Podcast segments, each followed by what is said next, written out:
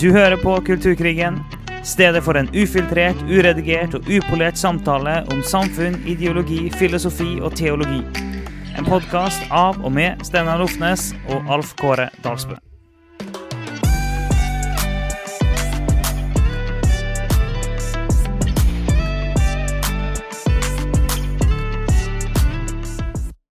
Velkommen til eh, en ny episode der to menn snakker om ting som eh, menn ikke har lov til å snakke om. Skal vi se hvordan vi navigerer det. To hvite heteroseksuelle menn. Ja. En over 40 i alle fall. Um, En over 40, en som nærmer seg 40, så det ja, ifølge interseksjonale regler så skulle det diskvalifisere oss for å ha noe å si, men uh, Ja. ikke for, ifølge vårt verdisystem. Så Nei, derfor men- fortsetter vi med frimodighet. Men hvis en skal virkelig ta, ta folk på ordet, da, så er det sånn at hvis kjønn ikke, ikke eksisterer, så kan vi vel snakke om det? Det er helt riktig, men det har med om vi subjektivt eh, faktisk definerer oss som noe annet. da. Ja, men vi kan definere Så- oss, eh, vi kan jo definere oss sånn som vi vil akkurat i denne episoden her. Ja. Men uh, Nei, uff. Det, var en interessant måte å starte denne episoden. Nei, det, jeg, merker, jeg, jeg, lik, jeg likte det ikke sjøl engang. For at eh, jeg, det, det, jeg har ingen interesse av å spille det spillet der. Jeg, har ingen, ingen, jeg har ingen interesse av å ta ting eh, Altså, jeg kan gjerne eh, Hva skal jeg si eh, Bruke samme våpnene, da. For det, det, bare, det vil jeg ikke. Nei, vi syns ikke at det, det, denne måten å, å være aktivist på er en fair måte, egentlig. Å Nei, er vinne fram på en sak. Så, så vi holder oss til det vi mener er objektiv sannhet, og vi sier det vi mener uten å forkle det og manipulere og sånn som det. Det Mm. syns vi er mye bedre.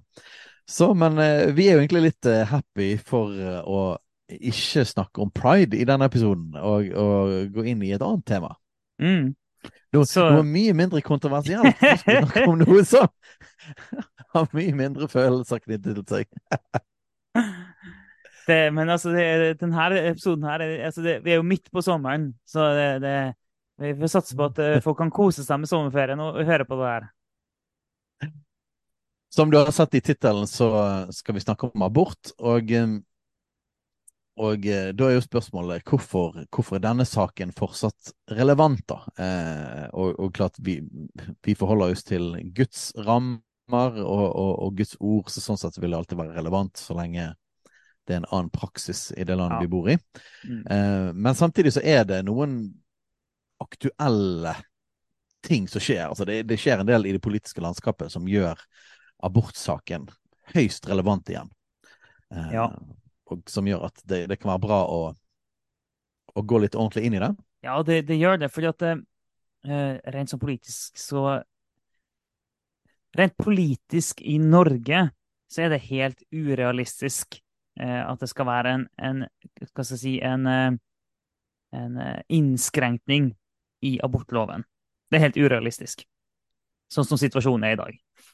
Eh, det som ikke er urealistisk, er at det blir en utvidelse av abortloven. Det kan skje. Eh, derfor, og det, og det argumenteres stadig for ulike former for, for utvidelse, eh, men eh, noen argumenterer for at, det, at eh, grensa må utvides til uke, altså bort til, fram til uke 22. Eh, Noen vil ha fram til uke 18, sånn at i dag er det uke 12. Mens i praksis er det uke 18, fordi at eh, mellom 12 og 18 så kan du søke om å få abort i en såkalt nemnd, og så å si 100% av dem som søker om det, får det jo innvilga. Så i praksis så er abortgrensa i Norge i dag 18 uker. Men den kan bli utvida. Og én ting er jo utvidelsen i seg sjøl, det er jo én ting. Men argumentasjonen for utvidelsen er òg ekstremt eh, viktig å være obs på, for det, det sier så mye om hvordan vi ser samfunnet, verden, mennesket, og hva andre hva, hva, og Det vil òg fortelle oss noe om hva, vi, hva eh, samfunnet rundt oss kan tenke om andre ting òg. For eh, vi liker alltid å grave i liksom det som ligger under. Mm. Uh, I denne første episoden så skal vi se litt på bakteppet og litt sånn det større bildet, og så skal vi uh, i neste episode gå enda litt sånn dypere i materien. I hva skal jeg si, filosofien og livssyn og virkelighetsforståelsen bak. da. Ja. Um, men nå har det vært eh, det har flere ting som har skjedd. da. Det ene er at det har vært litt sånn abortdebatt i KrF det siste året. Uh, og KrFU, blant annet, var det en sak, sak på det her. Um, og da er jo liksom det store spørsmålet er abortsaken tapt. Det er liksom en av de spørsmålene som blir stilt. Og er det noe meningsløst å si at man er imot abortloven, burde man heller legge all energi imot å kjempe mot en utvidelse. Det mener jo den ene siden. Um, en interessant ting der, hvis vi spoler litt tilbake igjen til uh, når eh, KrF kom inn i Ernas regjering, altså den siste perioden der, um, så var jo en av uh, en del av de tingene som var på forhandlingsbordet, var såkalt tvillingabort. Mm. Og der ble det faktisk en reversering av, av, av abortloven. Altså det var, det var, altså blitt en utvidelse. Det, ble, det var lov altså å En liten periode var det lov å abortere én av si, tvillingene. Ja, Så paragraf 2c var det. Og det er den eh, paragraf 2c som ble endra, sånn at det ikke lenger skulle være lov å ta den ene av tvillingene. Ja, så Det var jo en av de tingene KrF forhandlet seg frem til for å komme inn i regjering. Altså Høyre og Frp trengte jo da eh, De trengte mer mandat i Stortinget eh, og hadde derfor bruk for Venstre og KrF inn i regjeringen, og det var en av de tingene som KrF pushet på. Og da fikk da et gjennomslag på noe som egentlig man ikke hadde fått gjennomslag sånn direkte i Stortinget. Og det førte jo til umiddelbar furore i, i landet. Nå skal jeg ikke nøyaktig hvor mange år siden dette er, men det var interessant når det skjedde, fordi at det viste hvor lite rett under overflaten abortspørsmålet lå i Norge, uten at det hadde vært veldig debatt om det på en god stund. da. Eh, og, og, og eh, vips var strikkepinnene framme igjen, og, mm. og eh, Egertorget i Oslo var full av kvinnebevegelsen. Eh, som var jo lå livredd og mente det at dette var måte, et slags bevis på at denne saken ikke er ordentlig vunnet, men at det skal veldig lite til før at den blir reversert. Da. Det var deres argument. Så det interessante her er det at den liberale siden av KrF, da, hvis jeg skal kalle det det, de er da veldig uenige med kvinnebevegelsen kvinnebevegelsen mener at denne saken ikke er solid og vunnet ordentlig, mens, uh, mens uh, den liberale siden av KrF mener at den saken er totalt tapt, så det er ikke noe poeng å kjempe lenger. Så uh, jeg vet ikke hvor sannheten ligger, men det er klart at når vi ser videre på USA, da, så ser vi det at ting kan jo endre seg. Nå er USA annerledes enn Norge. Har mye, mye flere konservative og mye flere større prosent kristne enn Norge. Men eh, det var jo likevel uventet at plutselig i fjor, altså for omtrent ett år siden, mm. så ble det som var en avgjørelse i Høyesterett i 1973, den såkalte Roe versus Wade, eh, avgjørelsen som sikret fri abort i USA, plutselig så ble det reversert. Eh, da fordi at eh, det hadde dødd noen høyesterettsdommere, og eh, Trump hadde fått inn konservative høyesterettsdommere, som rett og slett førte til at Høyesterett snudde hele den, den, avgjørelsen. Som gjør at i, Nor i USA nå så er det ikke lenger fri abort sånn nasjonalt. Eh, for Høyesterett overstyrer jo da alle statene på disse. Men nå er det rett og slett opp til hver stat. Eh, ja. Og det er den store ja. og det, det, det er den, Uten at vi skal gå langt inn politikken og det, systemet er, men det er jo en stor forskjell på Norge med at statene kan velge egne ting. Det, fylkene i Norge kan ikke akkurat velge, velge sjøl.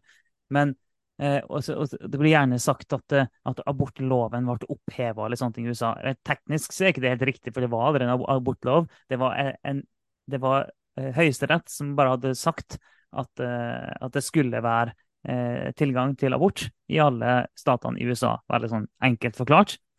Og den kjennelsen ble omgjort. Eh, det det i praksis førte til, det er at den sa at det, er ikke en nasjonal bestemmelse på det her lenger.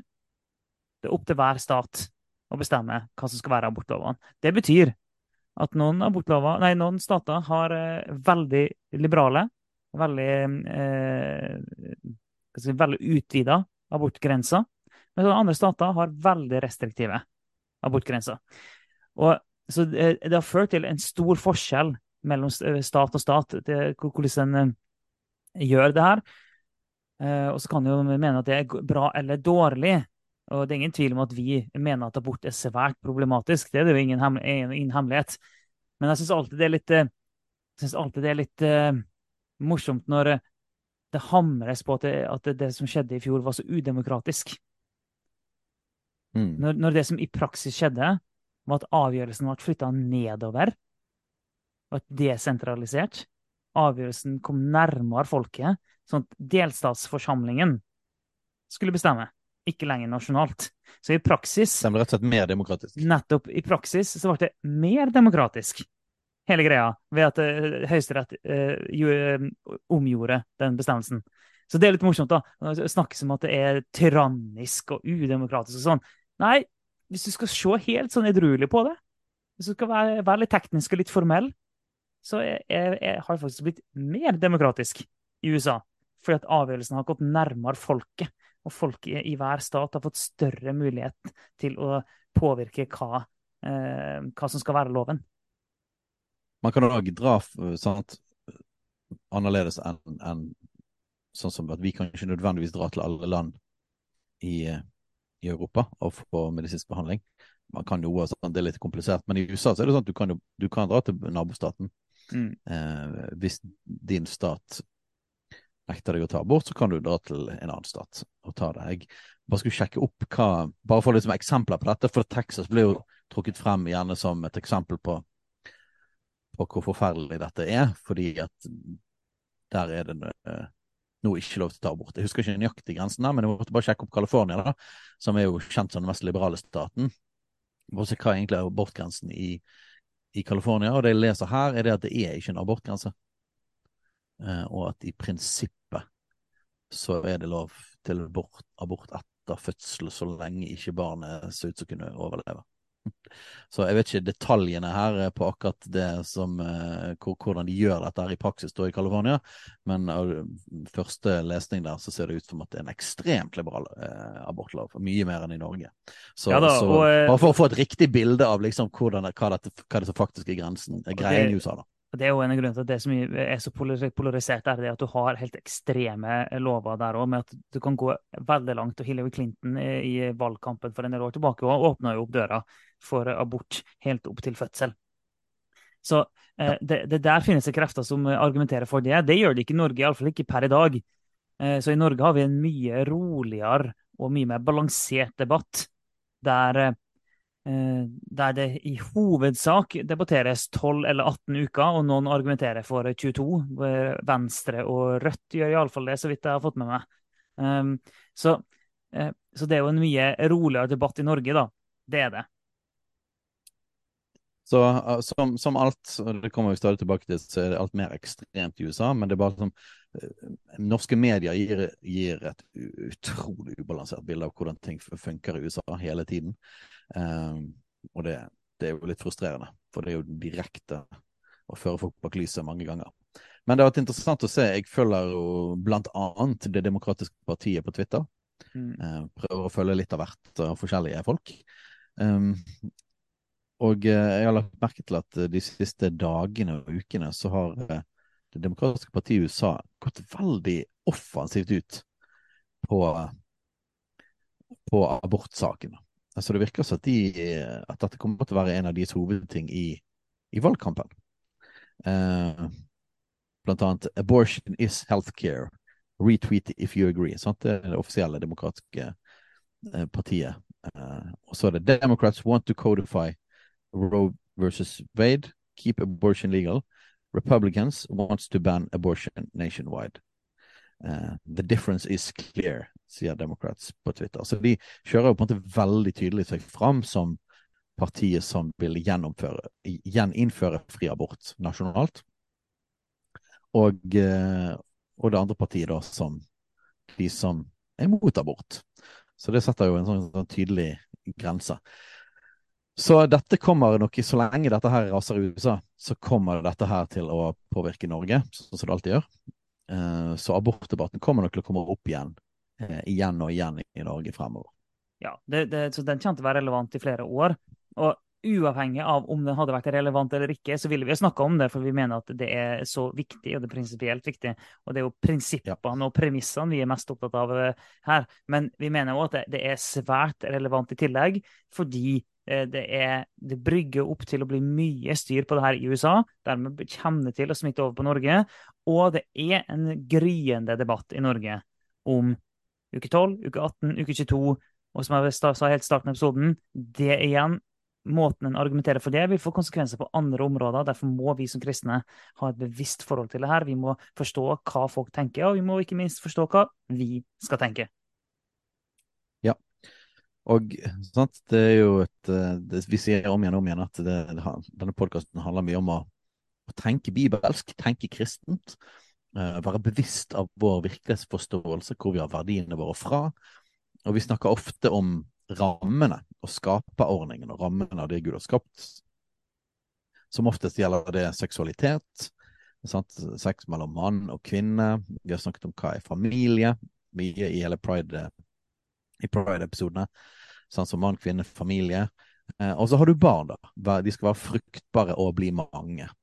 Eh, men så har du òg, i, i, de samme versene, så, så står det jo om at, eh, at Gud skapte mennesket i sitt bilde eh, som er jo da på den samme første siden i Bibelen. Grunnlaget for menneskeverdet. Dette ser vi jo selvfølgelig bekreftet gjennom hele Bibelen, og det finnes flere andre vers på dette. Men, eh, men vi er jo tilbake igjen til det, da. Eh, I alle disse sakene som vi tar opp, så handler det i stor grad om å bryte ut av det vi ser som rammene fra skaperverket. Eh, og menneskeverdet er virkelig en av de. Mm. Det er det. Og vi skal jo gå dypere inn i hva vi tenker rundt det med menneskeverd i neste episode. Da skal vi gå dypere inn i det meste når det gjelder abort.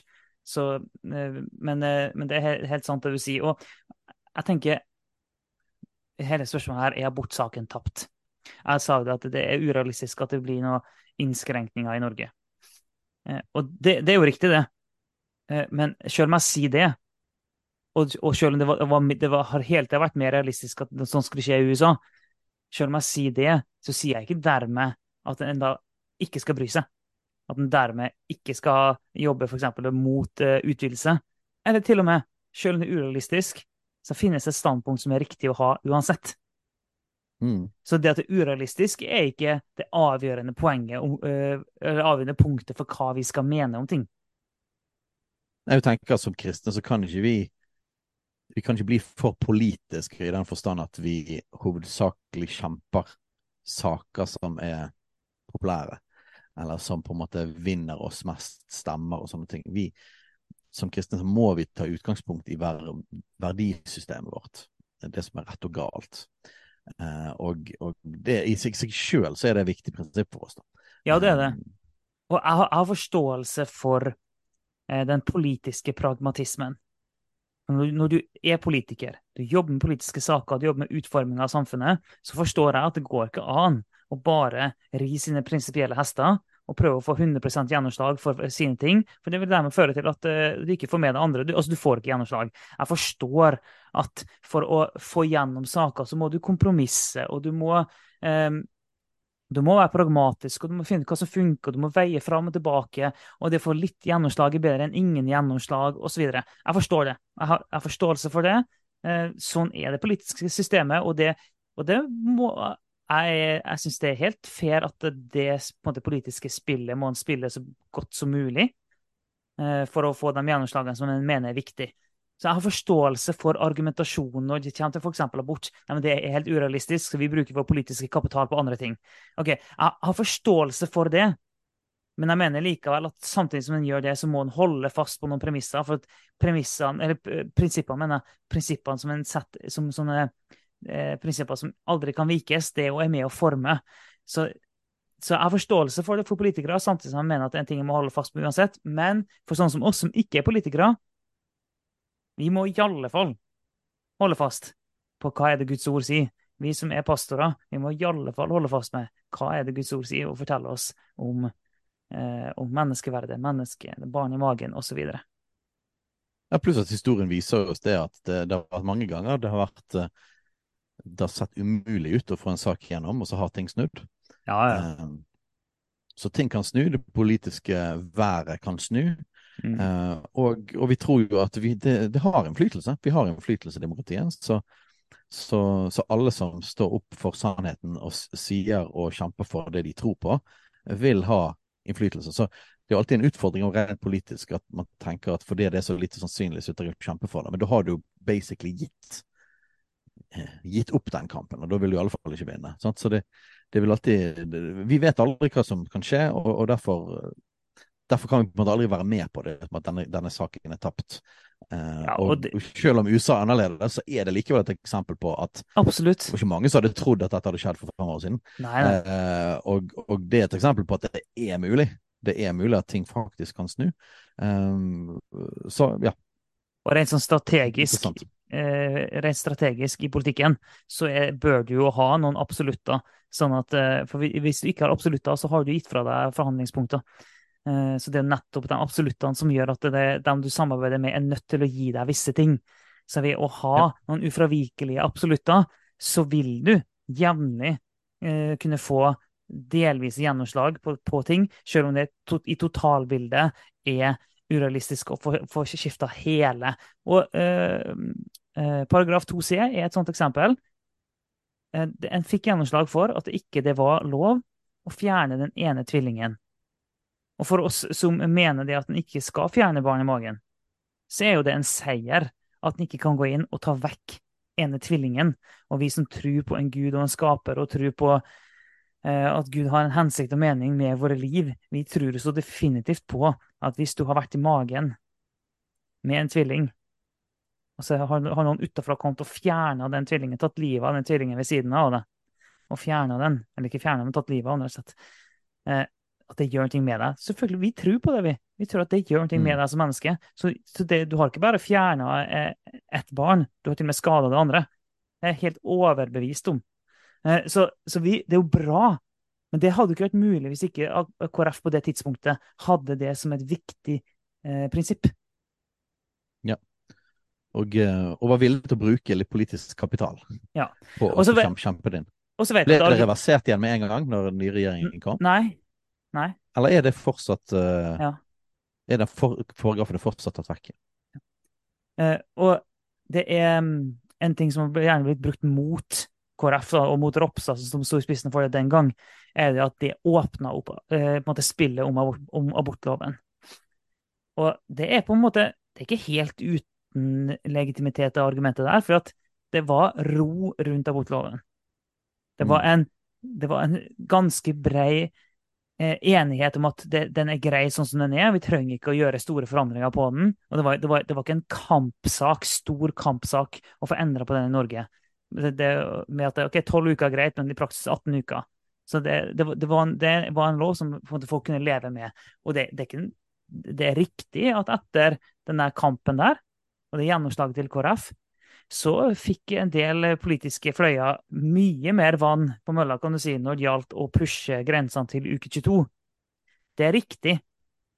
Så mm. det er ikke, det, det, jeg, jeg syns ikke det argumentet er for Jeg vet at noen avfeier det, at eh, nei, nei, det, satte ikke noe i spill. Jo, det på en måte gjorde det, for det åpna jo opp debatten. og Det sier seg sjøl. Hvis, hvis, du kan snakke om å innskrenke, så kan du også snakke om å utvide. Absolutt. Og, og, og, jeg mener jo det at det er bra å ha den debatten oppe. Det er et for viktig spørsmål til å la den få ligge i ro. Eh, og er det, ris da er det risiko selvfølgelig for at det kan gå begge, begge veier. Um, og det er litt morsomt slippery slope-argumentet er jo noe som blir brukt en del i, i forhold til f.eks. at når man åpnet opp for uh, homofilt eller likekjønnet ekteskap, uh, så var det en slippery slope. At, du, at du, det ville i neste rekke føre til flere ting. Og, sånt, og, jeg, og vi mener jo det at, at, hele denne kulturelle revolusjonen har jo vært en sånn slippery slope. En gigantisk eh, slippery slope. ja, At det ene har tatt det andre og sånne ting.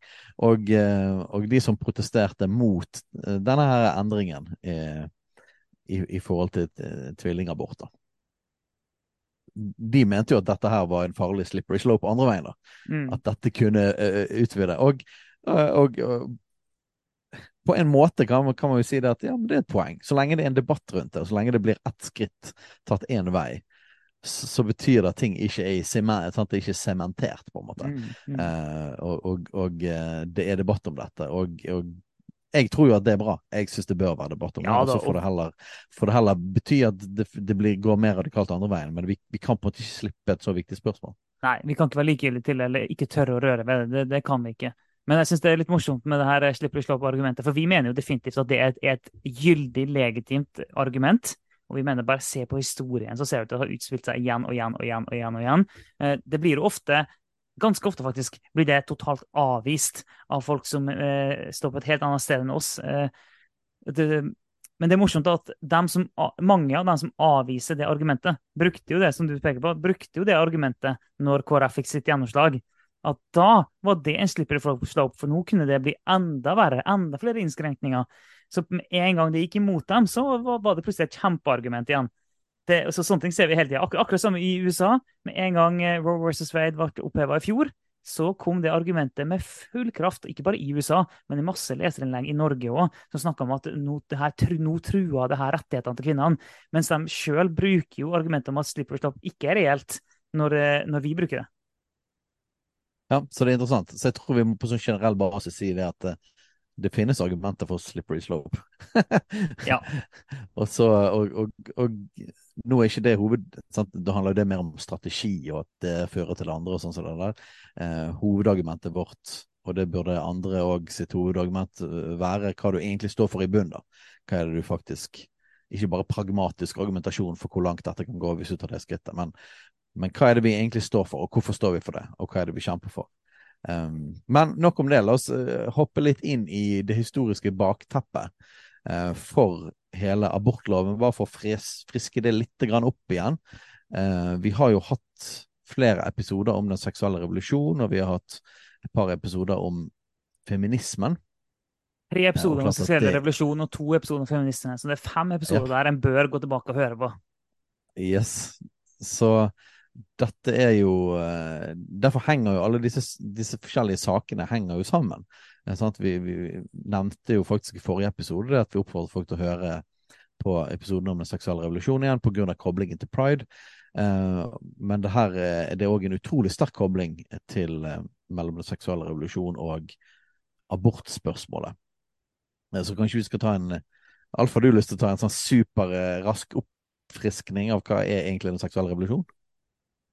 Superrask, ja. Det er jo det som er, vi har hatt tre episoder om det her. Tre lange episoder. Så Ja. vi, har, vi har brukt flere timer på, å- på å snakke om det her. Nå skal vi gjøre det liksom kjempekort og fort. Uh, Vi får prøve, da. Den, den enkleste, folkelige, raskeste måten å forklare det på, er jo at eh, fra ca. 60-tallet så begynte det å utvikle seg en del andre holdninger til eh, seksualitet og til fri sex. Og han ville bryte ut av de såkalte konservative rammene og den seksualmoralen som han opplevde som veldig tyngende. Eh, og det eksploderte jo med hippiebevegelsen, og du har eh, 68-erne, og du har eh, mange sånne type ting. Det var både en kulturell revolusjon og en seksuell revolusjon som eh, foregikk over tid der. Eh, Og det skal The også sies Summer of Love. ja da, The Summer of Love, og det skal også sies at, det- at det sammenfalte med innføringen av p-pillen, Uh, som òg nesten ikke kan overvurderes betydningen av. For at Mm. sammen med nedbrytning av seksuelle rammer uh, og eh, en all moral, på en måte, seksualmoral, sammen med at eh, sex i mye mindre grad førte til graviditet, førte, det førte jo til veldig mye mer fri sex. Eh, fra da og utover. Um, Dette var jo et ganske sånn kraftig brudd eh, når det gjelder seksualmoral i forhold til tidligere. Så klart det at Hadde folk sex utenfor ekteskapet Ja, før ja. slutten av 60-tallet? Selvfølgelig hadde de det. ja, ja. Men, men vi snakker om på en måte hvor sånn folkelig akseptert det ble, og hvor hvor på en måte ekstremt man gikk i forhold til å oppløse hele rammen um, for sex, uh, og, og egentlig hele kjernefamilien, mor, far, barn, som vi Mm. alltid kommer tilbake til, at det på en måte er den enheten, den hellige enheten. Um, så i, i, vestlig historie så har det vel kanskje aldri vært eh, helt siden på en måte kristendommen det som ble, Noen kaller den første seksuelle revolusjonen, når, når den kristne vekkelsen i Romerriket. Mm. Som, som, førte til at etter hvert ja, kristendommen ble statsreligion i Romerriket, som førte til en seksuell revolusjon i Romerriket, da, eh, fra en, en, en, en, veldig seksuelt utsvevende seksual moral til en innskrenkning. Eh, til at sex var mellom mann og kvinne og i ekteskapet. Eh, pluss en masse andre ting som har med, med slaver å gjøre. Og, eh, ja, og, og ikke bare det, ja, men bare, ja. men bare eh, kvinnens rettigheter òg. Med at det ikke lenger var, var akseptabelt å sette jentebarn ut for å dø. Det var ja. en sånn eh, revolusjon, altså, når kristendommen eh, fikk sitt inntog. Jeg hørte, hørte akkurat en, eh, en, veldig interessant episode rundt, rundt romersk og gresk seksualitet. Eh, og hvor, hvor, i stor grad det var eh, En av hovedgreiene handlet om dominans. Mm. Eh, og, og, den sterkeste dominans over den svake. og mannens seksuelle dominans over kvinnen var en stor del av det, men òg flere andre forskjellige varianter. Um, og en, en, en, en, voksen manns seksuelle dominans over en ung mann, for eksempel, eller, eller, en, eller, en, som var slave. Ja, så et helt sånt eget system i Romerriket og den greske verden i forhold til seksualitet, som ble radikalt forandret når kristendommen etter hvert ble den dominerende religion og tro mm. i Romerriket. Eh, så en kjemperevolusjon som endret de seksuelle normene overalt der, der kristendommen kom fram, inklusiv Norge. Mm. Eh, det var en helt annen seksualmoral i Norge eh, før kristendommen kom. Og så har jo dette, var dette dominerende, kan si, i større eller mindre grad i Vesten. Det var en kulturell norm, i det minste. Tiden. Vi visste jo ikke at alle ja. levde sånn, men, men vi, vi visste jo at det var en kulturell norm, i det minste.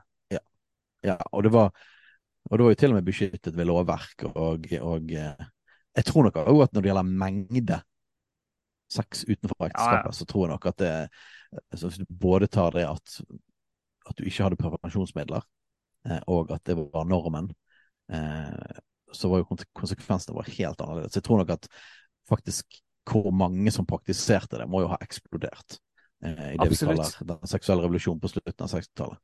Ja, og og, hele måten å se mennesket på og verden på gjennom den tida der, det, eller det, som kom mer ut i blomst på den tida der, som, vi, som, fortsatt er sånn vi ser på verden i dag i stor grad.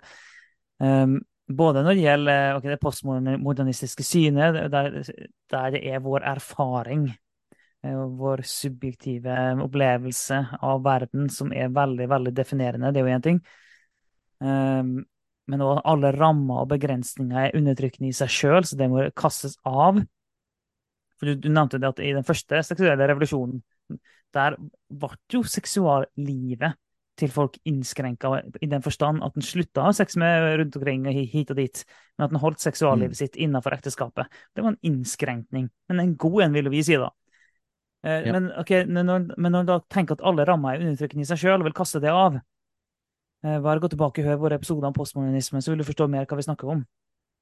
Men når en kaster det av, og sex har mista mye av risikoen sin, men ikke bare det, men det var òg en, sånn, en, sånn, eh, frikobling av eh, Egentlig av sånn kropp og person, som vi skal snakke mer om i neste episode, men som gjør at du er ikke kroppen din, Dermed kan du gjøre hva du vil med kroppen din uten at, det, uten at det har så mye å si med deg som person. Dermed kan kroppen din ha sex med masse mennesker uten at det påvirker din person. Det er en sånn måte å tenke på, da. Og dermed så senker en terskelen for hvem en har sex med, og hvordan en har sex. Så Det er mye sånne dype ideologiske strømninger her som har lagt til rette for, for mye sex med mange. Uforpliktende uh, og risikofylt. Og det fører jo naturligvis, selv om en har prevensjon, så fører det naturligvis til mange uønska graviditeter. Ja, og da sitter du i en situasjon der sex utenfor rammen av ekteskapet fører til flere barn. Um, som er da blir skapt utenfor ekteskapets rammer, og med, mellom to mennesker som ikke nødvendigvis ønsker å bli en familie, eller være en familie, eller å forplikte seg til hverandre. Man hadde, altså, man hadde lyst til å ha sex med hverandre, men man, hadde, man ville ikke forplikte seg til å holde sammen og dele livet og være ett og bygge en familie og oppdra et barn sammen. Um, så abort kommer jo i den konteksten. Um, ja, og det er så mange ting, det er så mange ting da, for at, som du sier der òg, bare det at den ikke eh, Når sexen tas ut av ekteskapet En ting er hvis den, er, hvis den er alene, alenemor, for eksempel. Eh, det var en one night stand eller noe sånt som det. At det kan oppleves svært utrygt og skummelt å være gravid da. Det forstår jeg selvfølgelig. Eh, når, mm. blitt, når, du ikke har rammen av familie, ekteskap, en trofast mann ved din side osv. Selvfølgelig er det skummelt, det er ingen problem med å forstå det. Så, men det er jo da for at det, det er jo en direkte konsekvens av at sex har blitt tatt ut av Guds rammer. Dermed får du masse konsekvenser av sex som oppleves veldig vanskelig. Mens konsekvensene av sex innafor rammen oppleves ikke så vanskelig. Men Innenfor rammen så vil konsekvensen av sex være barn, eh, som vil veldig ofte være en positiv ting. Men selvfølgelig vi vet jo det at det finnes eh, gifte par og, og, par som er forplikta til hverandre, som tar abort òg. Det finnes det. Men i mye, mye mindre grad enn andre aborter. Ja, og sånn sett så er det en sånn direkte linje mellom det som etter hvert blir abortkampen og abortloven, eh, og den seksuelle revolusjonen for barn, selv om du har prevensjon, så, så, snakker vi om på en måte mengden sex utenfor ekteskapet eksploderer. Og det vil føre til at i prosent så blir det mye flere graviditeter òg. Um, så, så det, det, er på en måte vanskelig Det er vanskelig å ha det man kaller fri sex, da. I hermetegn, vil vi si. fri. Um, vi tror at det, det, får alltid konsekvenser. Vi kan, si, eh. vi kan, vi kan kalle det uforpliktende sex òg, istedenfor å. Uforpliktende Men, sex, ja. Det er et bedre begrep, faktisk. Så, så er det på en måte det, det, er vanskelig å ha det uten å ha en eller annen slags i hermetegn løsning på at det kommer blir skapt mennesker som du ikke har planlagt, og ikke mm. har Eh, den rammen som du ønsker um, at et barn skal vokse opp i. Uh, og klart at det legger et veldig trykk på hele abortsaken. Og så er jo dette òg koblet til en annen sak som, som, som er, var en del av en seksuell revolusjon, nemlig feminismen. Det er to egne episoder på det òg, der vi snakker om bakgrunnen for det og forskjellige varianter av feminisme. Men men det er jo òg veldig koblet til dette med, med, en oppløsning av kjernefamilien. Altså at det ikke bare at sex blir tatt ut av eh, mann-kvinne-ekteskap, men òg på en måte selvstendigheten for en kvinne. For at uh, gjennom historien så i stor grad så har det vært sånn at, at uh, kvinner har vært avhengige av å være, være, gift med en mann og være i en familie. At det har vært rammen for forsørgelse eh, for å klare seg. Og, og man har hatt mye flere barn, man hadde ikke prevensjon. Eh, som betyr at en stor del av kvinnens liv var òg å få barn og ta vare på barn. Eh, og man hadde bare én som kunne ha jobbe og ha en inntekt. Så, så det var på en måte den sånn naturlige sosiale konstruksjonen da, eh, som vi tror egentlig kommer fra at vi er skapt sånn. Men det er òg sånn samfunnet har vært lagt opp, eh, stort sett gjennom hele historien. Og nå, feminismen vil ønske, mente jo det at hele den institusjonen var undertrykkende for kvinnen. Mm. Og at, uh, for at kvinnen skulle på en måte være, realisere seg sjøl eh, og være et fritt individ, um, så skulle kvinnen kunne klare seg sjøl, blant annet i forhold til utdannelse, i forhold til jobb, eh, på tross av en mann, og på tross og ikke måtte være koblet inn i et ekteskap, da, eller å skape en kjernefamilie. Um, og derfor ble abort òg viktig, fordi at uh, hvis du i tillegg da putter på det at du skal kunne ha sex likevel, og så kan du ende opp med å bli gravid, men du skal ikke være knyttet til en mann i den institusjonen, som de kalte en patriarkalsk, undertrykkende institusjon, så blir det veldig vanskelig for en dame å faktisk kunne ta utdannelse og kunne ta jobb og kunne forsørge seg sjøl hvis man skal ta vare på et barn i tillegg. Så, så abort ble òg utrolig viktig i forhold til kvinnefrigjøring. Eh, så, så, både den seksuelle revolusjonen, at man regner den her uforpliktede sex-biten, men òg kvinnens stilling, kvinnens posisjon og kvinnens mulighet til å være uavhengig av mann og familie, eh, var òg en av de virkelig de sterke drivkreftene bak abort, og det satte ble abortloven. Ja, og som vi så ofte ser i denne podkasten så ser vi det at oppløsningen av Guds ordninger og Guds rammer for oss, det fører til en hel bråte med greier. Det er Så når du da eh, oppløser rammene for seksualitet, du oppløser kjernefamilien, når du oppleser sånne ting, helt fundamentale ting for oss mennesker, som Gud har innsatt når han skapte oss, når du oppleser det, da får du masse konsekvenser som ikke er gode. Og vi har fått mye mer uforpliktende sex. Sex utenfor rammene, som har ført til mange flere uønska graviditeter, som har ført til mange, mange flere aborter. Det, det, akkurat det er et faktum. Vi har mange flere enn det vi noen gang har hatt noen i, opp gjennom menneskets historie. Nå er det selvfølgelig mye enklere å ta bort noe enn før, naturligvis. Men det er likevel det som er faktum, da. Og det er en direkte og, eh, konsekvens av oppløsningene ja. av Guds rammer for oss. Og man har fått mye flere folk som har vokst opp med en forelder, og da stort sett mamma. Så mye flere alene mødre. Mye eh, farløshet, som vi har vært litt innom før òg, men det vet vi er kjempedestruktivt for barn å vokse opp uten far. Så hvorfor er abortsaken så viktig og så betent? eh, og hvorfor har man ikke så lyst ofte i abortdebatten å snakke om det som er viktig for oss, nemlig barnets verdi, eh, og når blir det et menneske? Eh, og hvorfor bruker man sånne ting som eh, celleklump og kvinners Foster og embryo og ja. hva, er det på en måte som ligger under alle den, denne måten abortdebatten blir ført på?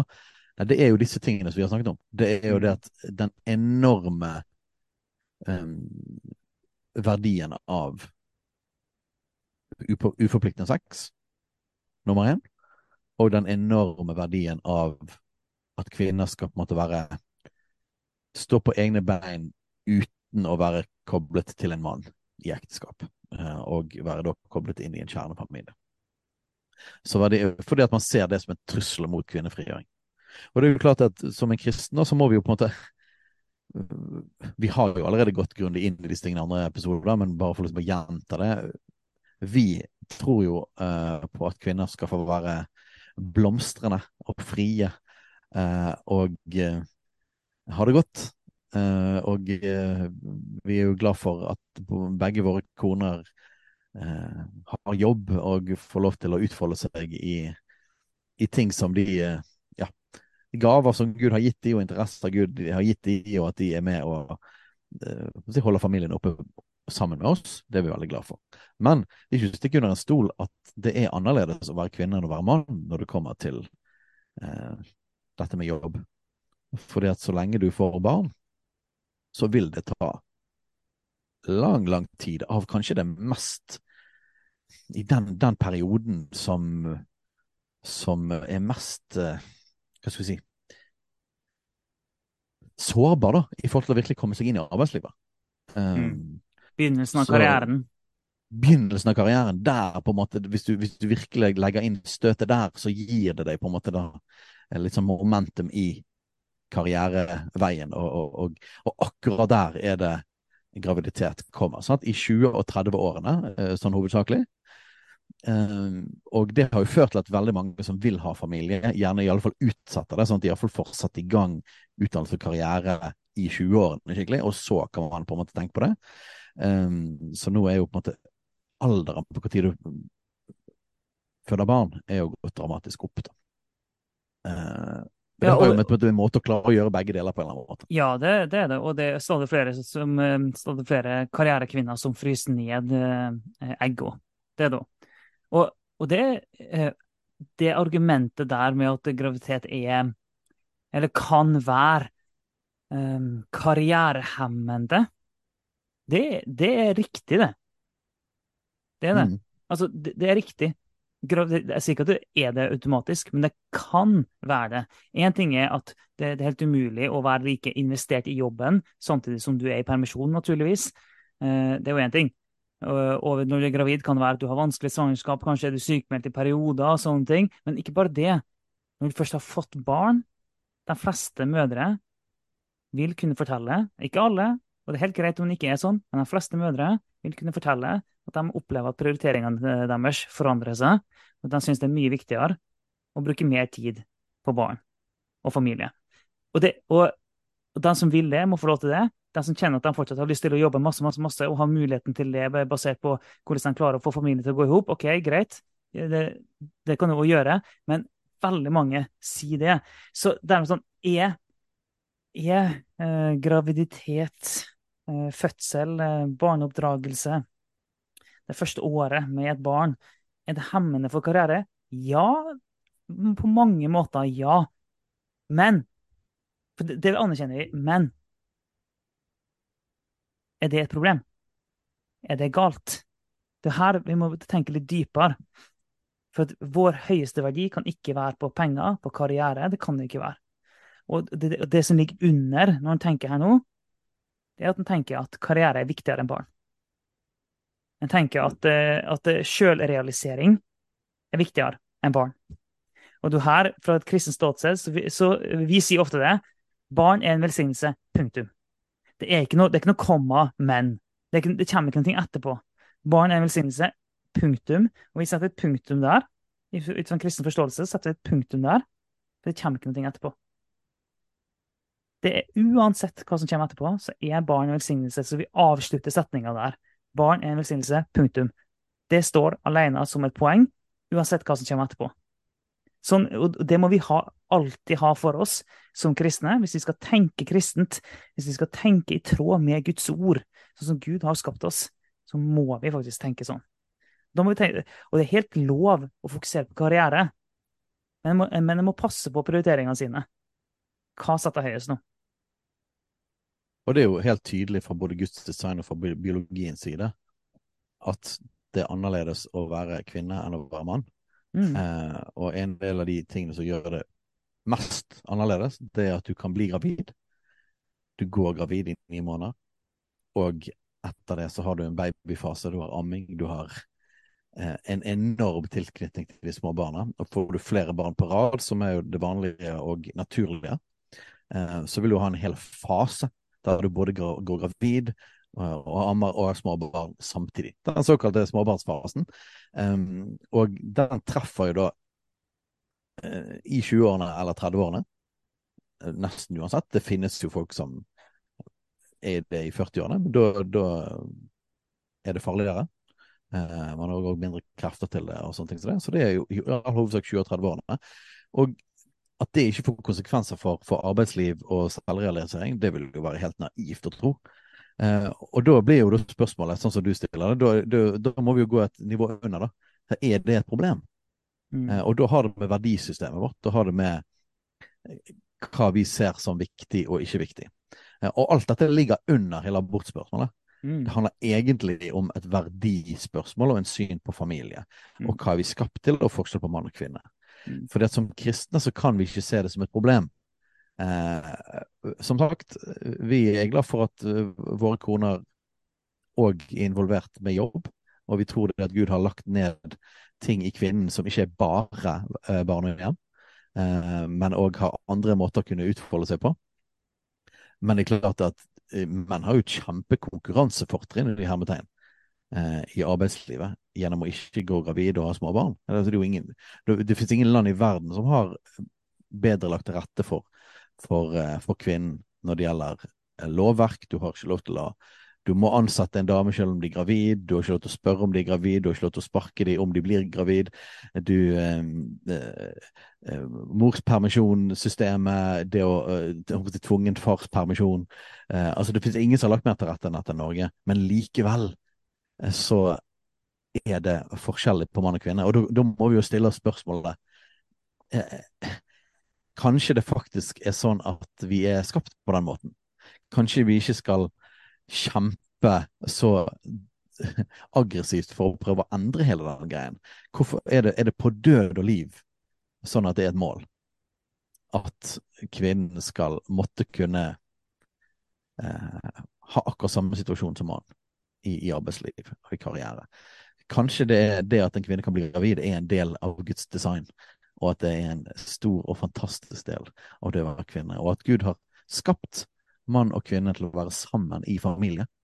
Eh, som genial, et genialt konsept av samarbeid eh, og, og gjensidig støtte, som gjør at man både kan forsørge familien, og ja. man kan ha barn.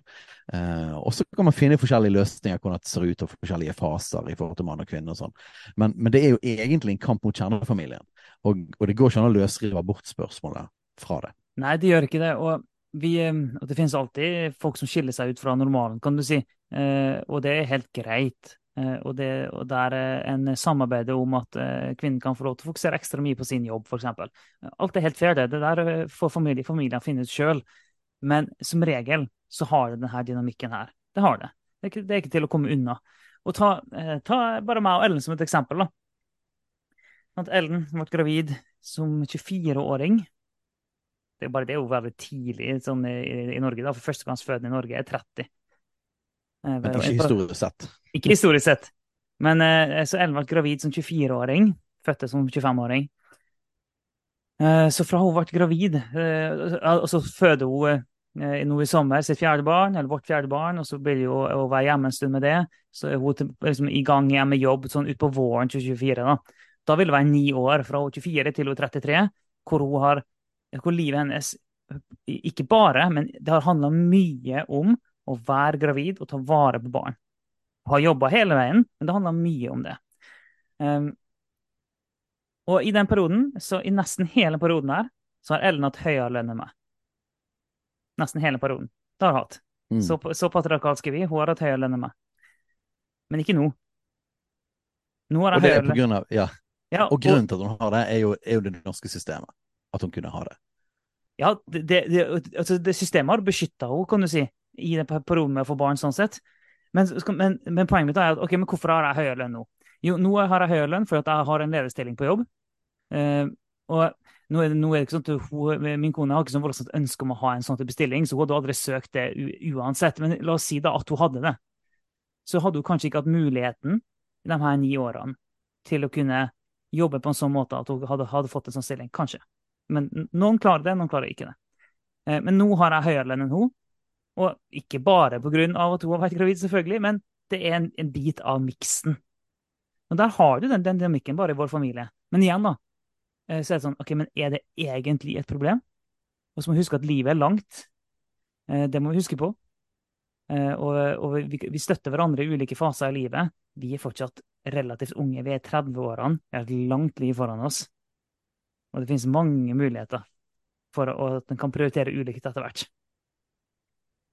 Ja, og jeg synes det er et eksempel på at, på at abortspørsmålet er ikke bare et verdispørsmål med tanke på er dette et menneskeliv, men det, det, handler om verdien for familie. Det handler om forståelsen av mann og kvinne, mann og kvinnes roller. Eh, og igjen er vi tilbake igjen til ikke bare den første at vi er skapt i Guds bilde, altså verdispørsmålet, men mann, kvinne, eh, og være fruktbare og bli mange. Altså mm. familien. Som Vi kunne nesten bare kalt podkasten for det verset der. For, for det, at, eh, det finnes jo ikke et eneste spørsmål der vi ikke kommer tilbake igjen til det, egentlig. Ja, ja. Um, og, og så, sånn sett så avviser vi hele på en måte drivkraften bak eh, bak fri abort. Fordi at vi tror både på at, sex er innenfor ekteskapets rabber, en mann og en kvinne, og så vi tror ikke på uforpliktende sex. Vi tror ikke at det er godt for oss. Eh, og i neste rekke så tror vi ikke at familien er en undertrykkende patriarkalsk eh, institusjon som tar livet fra kvinnene. Nei, vi tror derimot at det er en gudgitt positiv eh, institusjon som gjør at mann og kvinne faktisk skal få blomstre. Um, og den beste rammen for at barn skal kunne bli født og vokse opp. Um, og vi tror ikke at karriere og økonomi går over den verdien. Vi tror at familie er så viktig i seg sjøl at, uh, at, vi er for mange barn. Og det kommer fra at det har vært fruktbare å bli mange. Det står jo ikke et nøyaktig tall der, um, men kristne får i gjennomsnitt flere barn enn sekulære ateister. Sånn er det bare. Og det har med verdi i forhold til familie og verdi i forhold til barn. Nå har dette, Vi er påvirket av kulturen, vi òg, så det har jo gått nedover og nedover. Og dere ligger nok ja, Nå er jo gjennomsnitten gjennomsnitt fødsler Fødselsrate er òg en stor greie inni her, som har med hele dette verdispørsmålet å ja, ja, Men fødselsraten går jo ned og går ned og går ned, og, og eh, vi har tre barn, så vi ligger liksom eh, Vi ligger over, for dette er vel under to barn i gjennomsnitt. Jeg tror det er 1,7 eller noe sånt som er snittet i Norge nå. Og det sier seg jo sjøl at hvis to personer får 1,7 barn i snitt, så går uh, folketallet nedover. Jeg må jo ha 2,1 for å gå i pluss. Ja.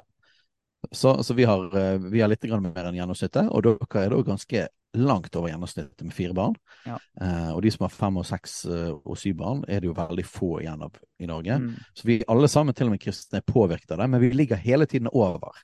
Og det har med verdien i forhold til barn og familie. Ja, ja, helt klart. Det, det, vi har, det har en sånn innebygd, holdt jeg på å si, men altså vi har en sånn grunnleggende verdi for familie og barn, og mange barn. Ja. En interessant ting, jeg pratet uh, akkurat med min mor om dette, for jeg har lagt merke til at på Færøyene eh, Min mor er fra Færøyene, så jeg er halvt færøysk. For de som ikke vet hvor det er, så er det et lite øyrike mellom Norge og Island. Eh, et lite øyrike, faktisk. Ja, ja. som norske vikinger eh, tok fra noen uh, spredte irske munker i vikingtiden. Og der, det, det, er et, et, samfunn som fortsatt er veldig preget av kristendom. og det er det landet i Europa med høyest fødsels, fødselsrate. Um, mm. og, og, det har med hvor preget man er av kristen kultur. Um, det er òg sånn at i byer så får folk færre barn. Så jo mer liksom, urbanisert man er, jo færre barn får man. Og hele den type livsstilen. Mens, mens Færøyene er jo fortsatt veldig ruralt, da, kan du si. At det, det hovedsakelig bygder og, og, og, et familiesamfunn. Som òg er en god grunn til at folk får flere barn. Og så la jeg merke til en ting, for du kan ikke ta abort på Færøyene. Eh, men hvis du men Færøyene er under Danmark, så hvis du reiser til Danmark, så kan du få det. Men det er jo klart at det er en høyere terskel eh, enn å få det hjemme. Du må liksom reise med fly ned dit. Um, og du må liksom inn i systemet der. Um, og jeg har lagt merke til på ferjene at det er mye flere um, folk som går gravide hele tiden. Det er helt sånn påfallende. Og jeg ser at folk har flere barn. Og jeg ser òg at, at, det er flere alenemødre. Og det er en sånn interessant ting, da. Fordi at eh, jeg har jo sagt at en av konsekvensene av den seksuelle revolusjonen er at det er blitt flere alenemødre. Og det er sant. Men der er det faktisk enda flere. Og så har jeg liksom undret meg over det. Sånn, hm, det er mer kristent her, og det er liksom eh, Hvorfor skulle det føre til flere graviditeter utenfor ekteskap òg? Jeg syns det var så jeg synes det var litt rart. Det brøt liksom hele det bildet. Helt til det plutselig slo meg at ah, selvfølgelig, det er fordi at færre tar abort. Det er ikke det at flere har sex utenfor ekteskap. Det er bare det at det blir mer synlig. Mm. Eh, mens i Norge er ekstremt stor andel av de blir tatt livet av. Eh, så faktisk var det et synlig sånn, tegn på eh, konsekvensen av mindre aborter. Eh, mm. og da blir det flere barn. Eh, og det er for så vidt en ting vi kan prate, ikke prate masse om nå, men, men en, en, ting som har vært viktig i hele abortspørsmålet, er å si det at hvis, når vi skal være mot abort, så må vi selv om vi er for sex innenfor ekteskap, at det er hovedrammen, så, men om det er sånn at man, man blir gravid utenfor ekteskapet, så eh, blir jo den neste verdien for oss er det at barn er utrolig viktig. Mm. Eh, og at uh, et liv er utrolig viktig. Og da blir det kjempeviktig for oss å støtte og backe folk som velger faktisk at barnet skal bli født, og velger å ta vare på det barnet. Og det gir en forpliktelse til kristne eh, til å støtte om og hjelpe. Ja, det er kjempeviktig. Det der er et kjempeviktig poeng som du kommer der. Og vi er jo litt opptatt av at vi er først og fremst for noe, ikke mot noe. Så vi er ikke først og fremst for, uh, mot abort, vi er for livet. Vi er for det ufødte barnet aller mest. Det, vi prøver hele tiden å ha fokus på at vi er først og fremst for, men det fører alltid, er du for noe, så er du mot det som er imot det du er for. Så det, du er alltid imot noe hvis du er for noe. Men, eh, men, men, liksom, men grunnmotivasjonen er at vi er for noe, ikke at vi er mot noe. Eh, og vi er for livet. og Derfor forplikter det, som du sier, for kristne, at hvis vi mener at, at abort er galt, og hvis vi har lyst til å gjøre endringer i lovverket for abort, så forplikter det for oss at da må vi bidra til å adoptere barn, ta vare på familier, ta vare på alenemødre, eh, på en måte eh, adoptere med hermetegn alenemødre med barn, inkludere dem i familien. Da har vi, eh, vi kan ikke bare si vi er mot abort og ikke gjøre noe med det. Nei, da må vi jobbe for en kultur, et samfunn, eh, som virkelig tar hånd om barn og familie. Det, det er en forpliktelse til oss. Så hvis vi mener det vi sier at vi mener, så må vi vise det med, med handling òg, da. Det må vi. Ja, og det er fullt mulig å løfte opp at ja, vi tror at kjernefamilien er, er på en måte institusjonen fra, fra Guds side som, som, som er det beste for barna. Eh, men selv om vi tror på det, så er det fullt mulig å si det at ja, men vet du hva, at mennesker blir til, at vi tar vare på barna, og at vi ønsker at de skal få vokse opp, er òg utrolig viktig. Um, så For det finnes en historie på en måte at det blir så skambelagt, og folk blir nesten drevet av bort, at skammen over å få barn utenfor ekteskapet eh, blir så stor at man heller tar livet av barnet. Eh, og Mm. det, selv om vi løfter opp kjernefamilien og sex innenfor ekteskapet, og, og, så kan vi ikke løfte det opp på en sånn måte som gjør det at vi faktisk risikerer at mennesker blir tatt livet av. Eh, fordi at det er så skambelagt. Så, så her, her må vi på en måte ha, ha tungen rett i munnen og skape Jeg tenker i menigheter spesielt, da. Skape virkelig en kultur av å heie på familien og heie på barn. Ja. Så jeg tenker at vi kanskje nærmer oss slutten på denne første episoden. ja, Jeg òg tenker det. og uh, tenkte det siste punktet som står her i notatene våre på dette, er bare å nevne Vi fikk en mail inn fra for et halvt år siden cirka, som handlet litt om dette med abort. Ja, vi får, vi får jo stadig mail og meldinger og sånn, men det, og det er mange som kommer med innspill, innspill til kan dere snakke om det og det og det, og så svarer vi alltid ja, det kan vi, en gang. Vi, Ja. og vi fikk, vi fikk en e-post eh, under VM i, i Qatar, altså desember, mener jeg det var, eh, av en som hadde noen tanker der om, eh, om abort. Og da svarte jeg jo det at eh, ja, det skal vi snakke om en gang. Så den, det tok bare et halvt år da, før vi kunne snakke om det. Men poenget, eh, det han trakk fram som en ting han tenkte på, var jo det at eh, under VM i Qatar så var det veldig mye fokus på hvor fælt det var, det her VM-et, for det var så mange fremmede arbeidere som hadde dødd. Tror det var 15 000 arbeidere som hadde dødd over en periode på tolv år, cirka noe sånt. Eh, For de hadde levd under veldig dårlige forhold og farlig å bygge alle de stadionene osv. Så, videre. Eh, så det var veldig mye kritikk det var mot Qatar, og det var mye snakk om å kanskje boikotte hele VM pga. det osv. Og, og det var mye snakk blant journalistene om at eh, når de var der, så skulle de ikke bare dekke fotballfesten og glemme liksom, menneskerettighetene, men skulle være veldig påpasselige med å hele tida løfte opp menneskerettighetene og situasjonen til eh, de her svake, uskyldige arbeiderne. Eh, og det, alle, det, det, var- ikke ment eh, som et stikk mot arbeiderne. De hadde en forferdelig situasjon, men det var, men det var mye fokus på det, da. Og så sitter han her, lytteren, og, og ser på det, og så tenker han det der er riktig og viktig og bra. Og 15 000 er forferdelig mange mennesker. Og så går han inn og så sjekker han hvor mange aborter har det vært i Norge i samme periode. Og så ser han det at i samme periode, de tolv årene, samme periode som det har blitt eh, som 15 000 mistet livet i Qatar, så er det 150 000 aborter i Norge. Og så spør han hvorfor snakker vi ikke om det? Hvorfor bryr vi oss ikke om det? Hvorfor er vi så opptatt av de 15 000, og så snakker vi ikke om de 150 000? Og samme argument kan jo, har òg kommet, kommet for dagen nå, nå i sommer med den ubåten som, eh, eh, forsvant nede med Titanic. Der fem personer var i den ubåten, og noen av dem var veldig rike. Så var det enormt medieoppstyr rundt den saken med at fem personer hadde omkommet. Og så var det sammenligna så var det veldig lite medieoppstyr over en båt med 750 migranter. Der båten eh, velta, og 650 av 750 drukna i Middelhavet. Selvfølgelig var det litt fokus, men i forhold til den lille ubåten så var det veldig lite fokus. Og da, det var det mange som reagerte på. Så hva er det som skjer her? Det er, det er litt av samme dynamikken, men, eh, men poenget til lytteren er ok, 150 000 er borte. Og da er jo egentlig hele spørsmålet som ligger under der, begge de sakene, det er menneskets verdi. Ja. Og er det forskjell på menneskets verdi? Eh, og eh, ja, det ligger en sånn stor inkonsekvens da.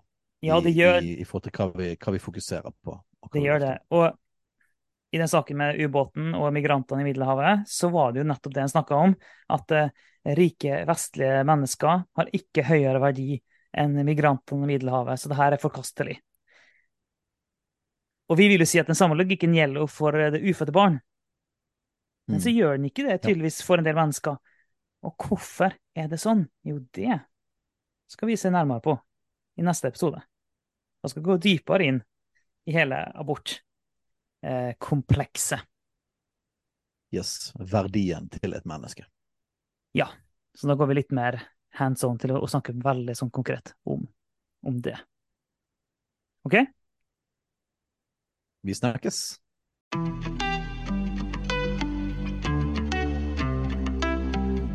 Takk for at du lytter på Kulturkrigen. Om du har tilbakemeldinger, spørsmål, hva som helst egentlig, send inn til post alfakrøll kulturkrigen.no eller på sosiale medier.